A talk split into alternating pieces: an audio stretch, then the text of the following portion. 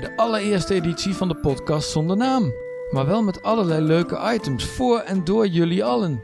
Waarin je meer leert over je collega's in andere regio's. Wie zijn ze? Hoe kijken ze tegen hun werk aan? Welke hele bijzondere, unieke zaken spelen er op de verschillende regiokantoren? En wat voeren je collega's in allerlei functies eigenlijk allemaal uit? Je hoort het allemaal in deze editie van jullie eigen podcast zonder naam. Vandaag ben ik op de Delta 1 in Arnhem. Daar heb ik spreekkamer 5 omgebouwd tot een mobiele studio. Mijn reportermicrofoon ligt ook al klaar. Daar ga ik mee naar de derde verdieping, op zoek naar collega's die me van alles kunnen vertellen. Over zichzelf en hun team hier in Arnhem, maar ook over hun werk. En pittige onderwerpen die wel besproken moeten worden. Eén ding staat al vast. Aan het einde van de dag stap ik in bij jeugdbeschermer Dorien van Moerkerk. Om haar te vragen wat deze autorit na een lange werkdag voor haar betekent. Maar ik start, zoals iedere editie, met jullie collega Martine. Stop. Geen podcast zonder Martine. Dat is het doel. Martine Berends om precies te zijn. Jeugdbeschermer en bepaald geen fanatiek podcastluisteraar. Als zij een believer blijft, komt alles goed. Nou Martine, goedemorgen. Goedemorgen, Ilko. Ik tref jou hier natuurlijk op een uit... Dus bijna gemeen dat ik jou eh, nu tref. Want jij bent natuurlijk helemaal uitgerust, ontspannen. Want net terug van vakantie, toch? Ja, klopt. Ik had nog even lekker een weekje na zomervakantie, noem ik het altijd maar. Ja, waar, waar ben je Ik geweest? ben in Valencia geweest met een, ja, het is een vriendin van mij, maar ook een collega hier. Dus eh, Ah. wij gaan altijd, dus ons team was eh, denk ik wel jaloers dat wij lekker eventjes nog een paar dagen naar de zon zijn geweest. Ja, en dan is het altijd een mooi moment om gewoon te vragen of je nog believer bent. nadat je de teaser hebt gehoord vorige week. Ja, ik heb, eh, ik heb hem gehoord vanmorgen en nee, ik ben, ik ben zeker believer. Ik heb, ehm, ik zei hè, van nou misschien dat ik nog podcast ga luisteren op vakantie. Dat is niet gebeurd, maar dat is alleen maar een goed teken denk ik, want ik heb, eh, ik heb me heel goed Ja, vermaakt. precies. Maar ehm, ik, ik ben er zeker nog wel een voorstander van. En ik denk, ik vond ook de voorbereiding heel leuk om te doen. Dus ik vind dat wij hiermee moeten doorgaan. En kijken wat het ook met de andere teams doet. Nou, dat klinkt al mooi, want ik heb natuurlijk probeer jou steeds in de watten te leggen rondom die podcast. Want ik heb jou net eh, als allereerste het podcastmuziekje laten horen. Ja. En wat, wat vond je ervan? Ja, ik, van- nou, de eerste die, eh, die, die is eh, hè, een mooie, mooie inleiding. En ik denk in de tweede, die, nou, dat geeft al wat meer, dat roept al wat op van, yes, ik heb er zin in om dit te doen. En Jouw eigen hoop, tune, zeg ja, maar. mijn eigen Ja, tune, Ja, ja, ja. ja. ja. Ja, zit, ik ben vereerd dat ik al een eigen tune heb. eh. Dus Martine, het zit deze editie nog helemaal goed met jouw believer zijn. Ja, ja ik eh, vind dat we ervoor moeten gaan. En ik ben heel benieuwd vooral ook naar de reacties. Dus eh, ja, want ik heb dus nog niemand gesproken na aanleiding van de, de teaser. Oh nee, En, jij komt eh, zo boven. En dan- Ja, dan... eh, oh, dat is trouwens niet waar. Ik kreeg wel een mailtje van mijn teamleider die zei, goed bezig. Dus eh, ja, nee, ik denk een leuk, een nieuwe, een nieuwe manier van, van inderdaad contacten onder elkaar. Dus eh, ja, Nou, super. Dan kunnen we met een gerust hart verder gaan met de rest van deze editie. lijkt me een goed idee. Iedere editie stap ik op iemand af met maar één nieuwsgierige vraag.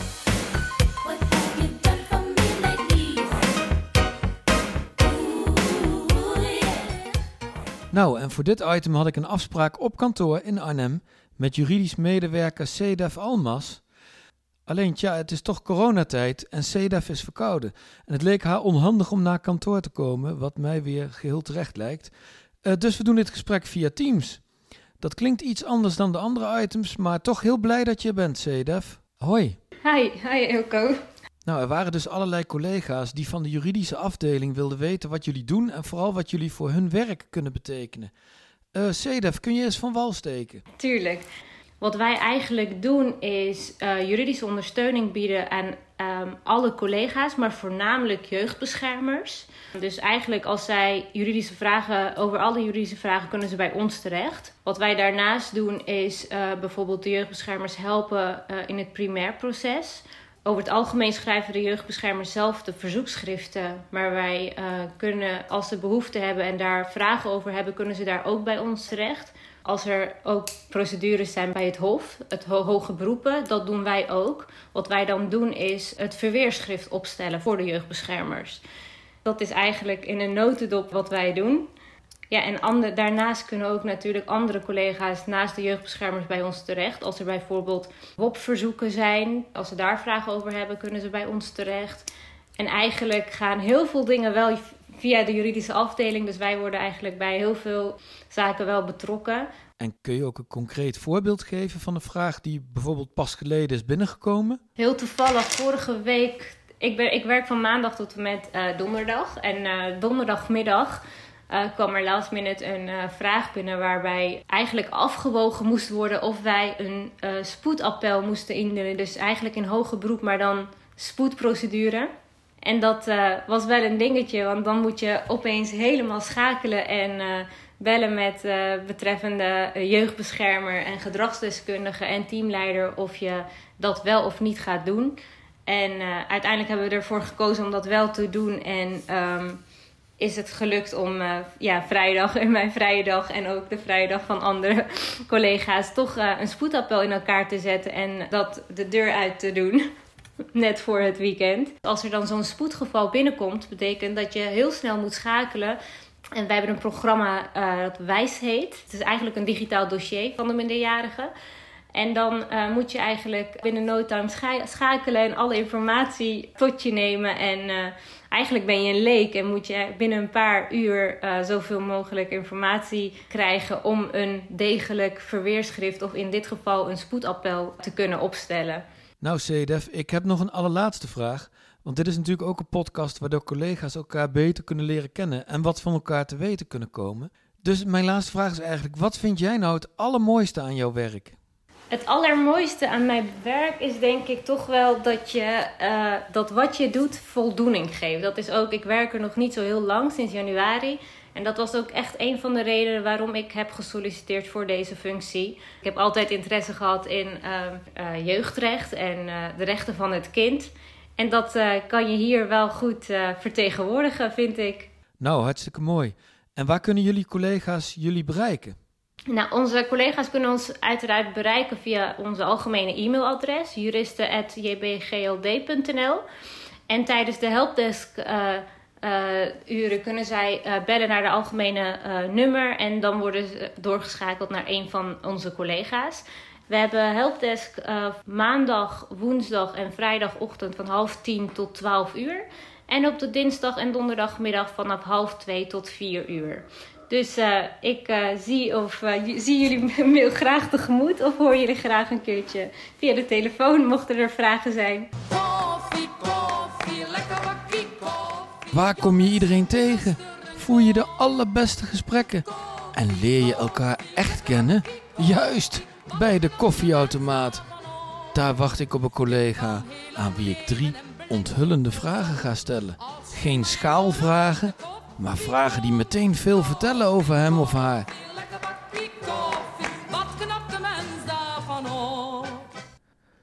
Ik ben zelf bij de koffieautomaat aangekomen. Het is een, eh, een mooi exemplaar. Er is ook een mooie ruimte omheen en een keukentje en allerlei soorten thee en soep. Een tosti-ijzer, echt een plek waar je even kunt staan. Waar je even kunt praten met collega's. eh, de actualiteiten van de dag ervoor bespreken. Misschien ook dingen die met werk te maken hebben, dingen die met je persoonlijk leven te maken hebben. Alles kan hier. Eh, ik ga snel een bakje koffie zetten en dan eh, wacht ik even af. Nou, mijn koffie is in ieder geval klaar. En ineens wordt het zomaar druk bij de, bij de koffieautomaat, want er zijn nu ineens twee medewerkers hier. Ik ga gewoon eens even iemand eh, benaderen. Eh, hoi, mag ik jou misschien een paar vragen stellen? Eh, ja, dat mag. Nou, de, de eerste, voordat ik je drie vragen ga stellen die van alles over jouw persoon gaan vertellen. Wie ben je en wat doe je? Ik ben Petra Hettenscheid en werkzaam bij de centrale registratie op de Delta in Arnhem. Ah, en, en kun je misschien in 15 seconden vertellen wat je precies doet? Eh, alles met betrekking tot de cliënt registreren in het systeem zodat de werker kan werken. Ah, nou, dat is hartstikke duidelijk. Dat was vijf seconden. Eh, Petra, het, het, het gaat als volgt. Ik heb hier een lijst met 34 vragen die van alles over jou vertellen. Eh, en je mag er zelf drie kiezen. Dus je hebt je, je eigen vragen in de hand. Dus noem eens een nummertje. Ehm, nummer 4. Nou, die is meteen heel diep. Wat is jouw idee over om van nature gelukkig te zijn? Oh, eh, Genieten van de kleine dingetjes om me heen. En wat, wat zijn dat voor jou, de, de kleine dingetjes die het leven mooi maken? En mijn gezin, eh, ik kan genieten van de dingetjes in de natuur. Ja, van dat soort dingen. Dus groot geluk is voor jou eigenlijk, zit hem in de kleine dingen. Ja, zeker. Ja. Nou, mooi. Eh, je mag weer een nummer kiezen. 25. Oeh, die is heel persoonlijk. Wat vind je het minst leuk aan je uiterlijk? Oh, mijn benen. En, eh, en waarom is dat? Want ik zie gewoon hele normale benen. Ja, ik vind dat ik behoorlijke stevige stampers heb, dus dat mag wel wat minder. En, en, en be- ben je daar ook mee bezig of is dat zoiets wat bij het leven hoort en wat je accepteert? Is al geaccepteerd, dus komt goed. Nou, de, de laatste vraag. Eh, roep maar weer een nummer. Doe de laatste maar. Als jij een, een levensmotto zou hebben, wat is jouw levensmotto? Oei, eh, dicht bij mezelf blijven. Ah, en, en, en hoe geef jij dat, zeg maar, in het leven van alle dag vorm? Door goed naar mezelf te kijken en kijken wat ik daarmee kan doen. En eh, openstaan voor eh, feedback. En eh, ehm, ja, eigenlijk eh, ja, dat. Het meeste. Eh, eh, eh, zijn er ook werkvoorbeelden waar- waarbij je denkt van, nou, daar ben ik dicht bij me, daar moet ik dicht bij mezelf blijven of daar, daar ben ik dicht bij mezelf gebleven? Nou, niet echt concrete voorbeelden. Ik werk met een team, dus je moet het samen met een team doen. En ehm, ehm, ik, ik ben betrokken bij veel projecten.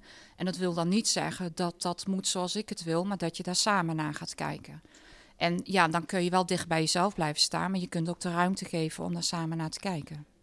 Nou, volgens mij hebben we jou in eh, minder dan drie minuten toch een beetje beter leren kennen. Hartstikke bedankt. Graag gedaan. Ga ik nu een kopje thee maken. Ja, geniet ervan.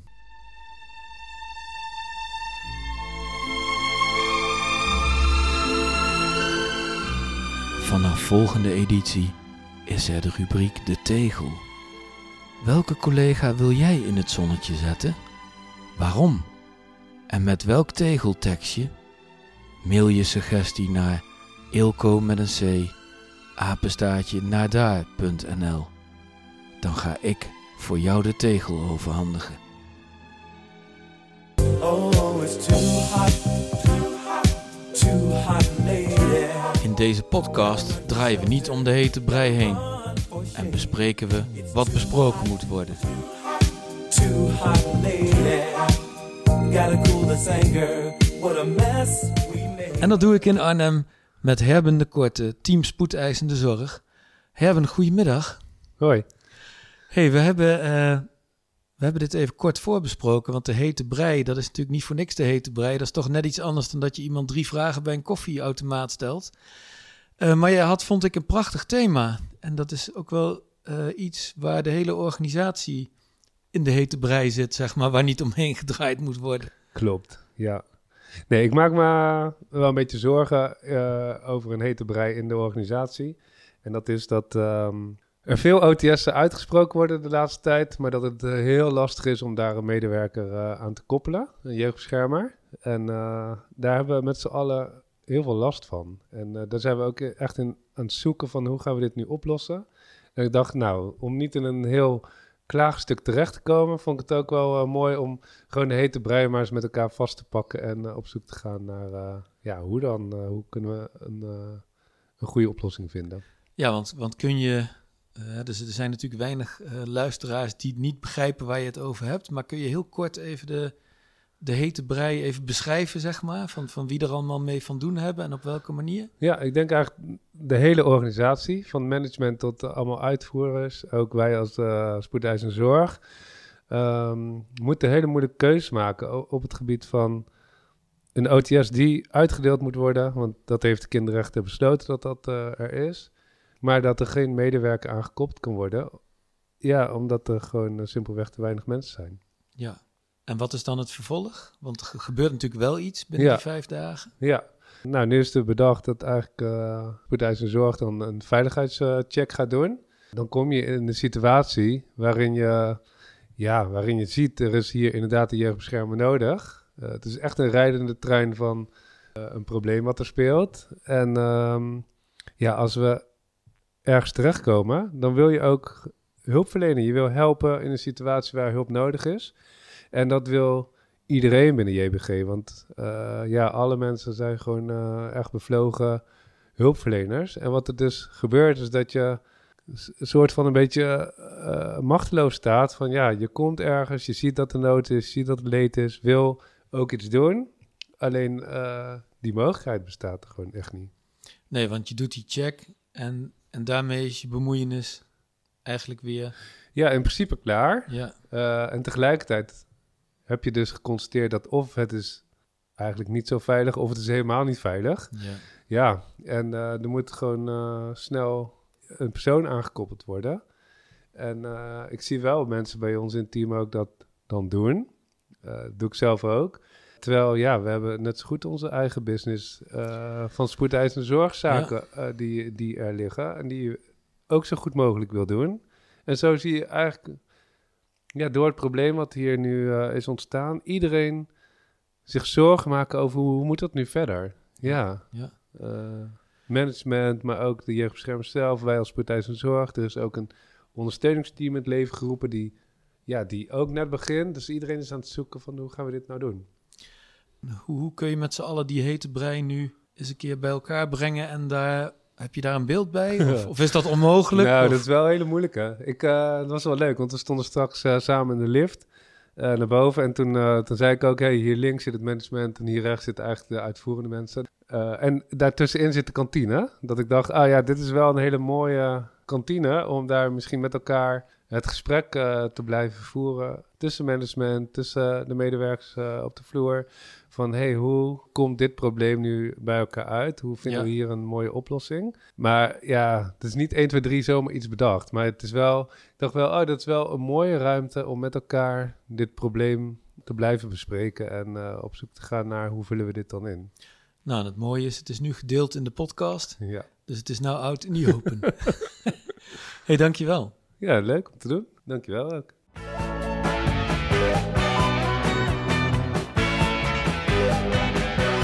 Mijn moeder werkte altijd met hart en ziel in de mode. Als zij naar huis reed, liet ze haar werk letterlijk en figuurlijk achter.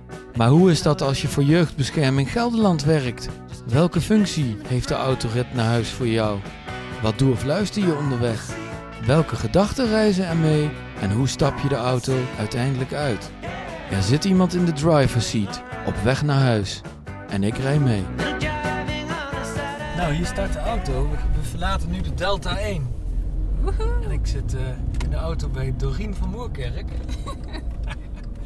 Dit is niet alledaags voor ons, dat we zo naar huis rijden. Nee, zeker niet. Maar Dorien, ik zie dat jij hebt, jij hebt jouw, je- jouw radio staat op, eh, op Veronica. Is dat, is dat toeval of, of niet? Nee, dat is, dat is echt toeval. Mijn radio die heeft echt kuren. Dus ik heb geluk als ik een beetje ontvangst heb van een zender. Oké. Het erge is dat als ik in de auto zit, ik veel aan het bellen ben. Dus dat Ah. ik de muziek bijna nooit aan heb staan. Oké. Nee.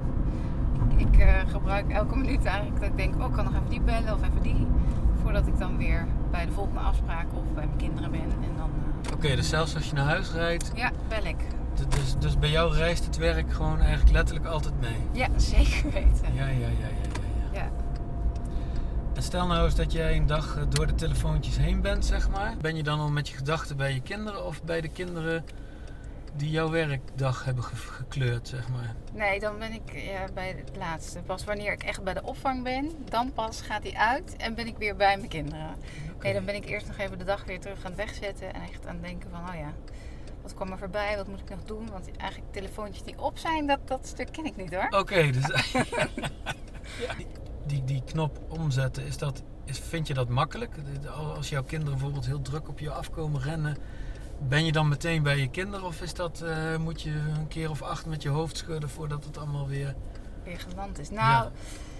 Het ligt eraan. Soms heb ik wel een hele pittige dag en dan, dan ben ik heel blij om ze te zien en dan gaat dat stuk even goed. Maar zodra ik dan aan het eten ben of zo, dan, dan moet ik echt de focus bij mijn kinderen houden. Wil ik niet toch even terug verzinken aan de zwaarte van de dag. Maar ja, Ja. dat- ja iedereen heeft wel zo'n dag, zou ik maar zeggen. Ja, Maar over het algemeen kan ik gewoon lekker bij mijn kinderen blijven. Totdat zij op bed liggen en dan ga ik nog even de laatste dingetjes doen die ik nog had willen doen. Of niet, en dan lig ik gewoon op de bank. ja, dat is ook fijn. Zeker. Ho- Hoe lang werk je bij jeugdbescherming? Anderhalf jaar. Oké.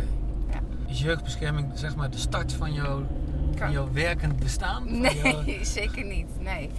Nee, ik heb, eh, nou ja, wat is het? Zo'n, eh, elf jaar bij Plurijn hiervoor gewerkt. Oké, Op diverse groepen. ja. Van één groep heel lang. En daarna dacht ik, oh ja, mijn kinderen worden wat ouder. Ik heb wat meer levenservaring. Ik durf het nu wel aan. Laat ik eens bij de jeugdbescherming kijken of dat zij het ook met mij aandurven. En eh, hier zit ik. Ja, Ja. anderhalf jaar eh, Ja. onderweg. Hey, ben je in die anderhalf jaar wel eens een keer doelbewust omgereden? Zeker, maar dan, ja, het mooiste is dat eerste jaar wat je, wat je hebt bij jeugdbescherming, heb je natuurlijk eh, veel meer trainingen, en intervisie en dergelijke. En dan had je ook gewoon, ja, toevallig had een collega van mij, die eerst ook bij Plurijn werkte, eh, die ook hier gestart was. Dus dan konden we elkaar in de auto bellen van, oh jeetje, wat heb jij meegemaakt, wat heb ik meegemaakt. En dat we dat echt even samen, en dan stond ik nog een kwartiertje langer voor de opvang, maar dan was ik het daarna ook gewoon Ja. kwijt. Ja, dus zeker, dat gebeurt. Of als je een, daak- een zaak dubbelt die heel zwaar is, dat je even met die collega nog even de boel goed nabespreekt Ja. voordat je de avond ingaat. Ja. En, en mer- merk je dat gedurende die anderhalf jaar dat, dat die momenten, momenten minder, nou niet minder zijn, maar minder pittig zijn of minder vurig zijn? Of? Eh, dat, dat ze er minder zijn, dat je er minder mee blijft zitten, omdat je het makkelijker weg kan zetten. Dat merk je. Maar soms dan, ja, ik ben ook wel een pittige dame, dus ik kan soms ook wel dingen dat ik er met vol passie voor ga, dat ik me dan net zo passievol erover kan frustreren, bijvoorbeeld. Ja. Dat heb ik wel. Dus, eh, maar het is wel makkelijker wegzetten omdat je de zaken beter begrijpt, de weg er naartoe. eh, ja. Dus dat is wel makkelijker, waardoor je er minder lang mee blijft zitten. Maar je ziet nog steeds schijnende dingen. Dat je soms denkt, jeetje, wat ben ik nou dan in beland? Ja, dan ben je ook maar gewoon een mens. Die dan ook dat kan volhouden. Ja, Waar, waar schakel je dan af? Maar dat, dat kan dan dus de glimlach van een van je kinderen gewoon zijn, of de knuffel. zeker, zeker. Ja, vooral de mama. ik och, ja, ja, dat. Ja, of gewoon eten koken, dat je de boel nog even bezinken. Maar meestal, ja, ik heb jonge kinderen, dus die geven je niet heel veel schakeltijd. Dat is gewoon meteen hoppakee aan. En dat is ook leuk en dat is ook, ook mooi. Maar wanneer zij weer naar bed gaan, dan eh, sta je weer terug op je aanmodus nog, die je even gepasseerd hebt. Ja. En, en dit heeft niks met de autorit te maken, maar, maar, ben jij, ben jij een, een- ben je als moeder veranderd door het werk wat je doet? Ben ik als moeder veranderd? Mm, nee, nou, Of anders naar het moederschap gaan kijken misschien? Of? nee, anders naar mijn werk ben ik gaan kijken. Meer andersom.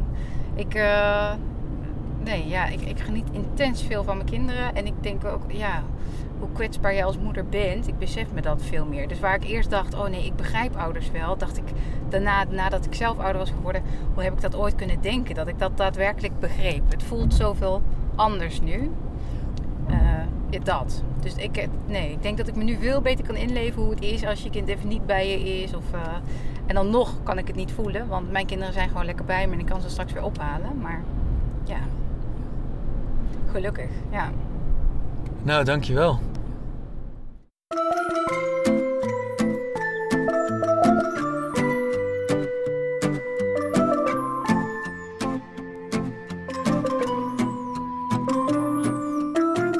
Je luisterde naar de podcast zonder naam. Een podcast die een naam zoekt. Mail jouw idee deze week nog naar ilko, apenstaartje naar en win eeuwige roem en taart voor alle collega's in jouw team. Weet je liedjes die in de podcast passen? Heb je suggesties voor vraagstukken voor de hete brei of voor nieuwe rubrieken? Wil je graag van iemand weten wat hij of zij doet? Laat het allemaal weten. Maak jullie podcast mee en mail naar ilko met. Tot over twee weken.